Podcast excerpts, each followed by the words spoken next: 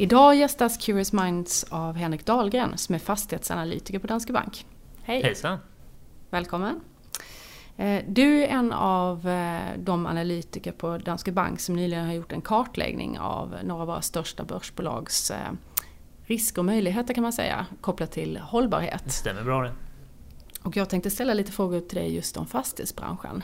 Ja, det passar ju bra då. Med mm. tanke på att jag är fastighetsanalytiker. eh, och jag tänkte börja med att fråga dig varför hållbarhet är viktigt i fastighetsbranschen? Från ett samhällsperspektiv så är hållbarhet viktigt eftersom ja, delvis så står fastighetsbolagen för en relativt stor andel av de totala utsläppen.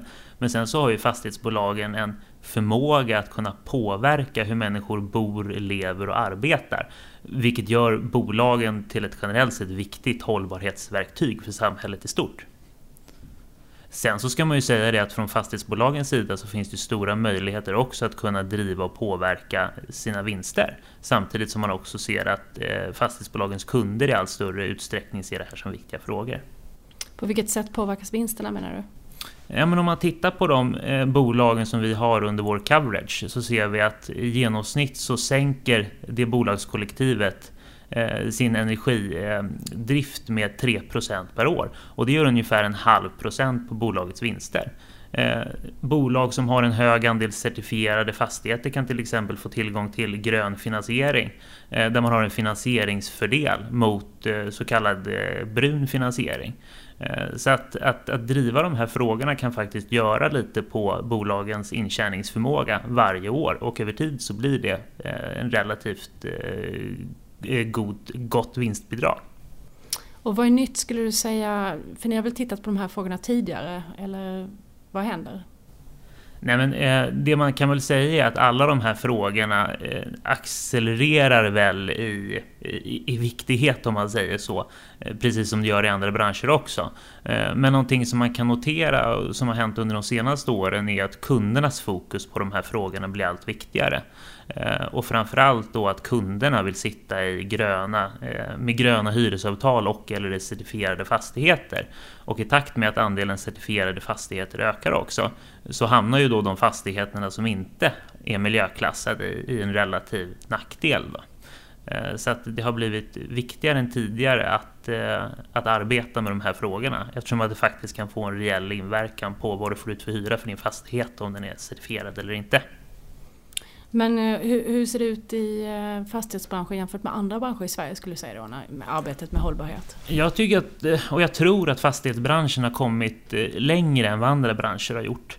Eh, och det har man väl delvis gjort på grund av att det finns en ganska tydlig ekonomisk kalkyl bakom de flesta hållbarhetssatsningar som, som man har gjort. Eh, om man återigen då tittar på hur energieffektiviseringar exempelvis påverkar bolagens intjäningsförmåga så kan det vara uppåt en halv procent till en procent per år i bolagen. Ehm, och sen så är det ju så i fastighetsbranschen också att man aktiverar ju förbättringar i intjäningsförmågan. Innebärande då att, att man, kan, eh, man kan få en ganska bra utväxling på eh, förbättringar i kassaflödet.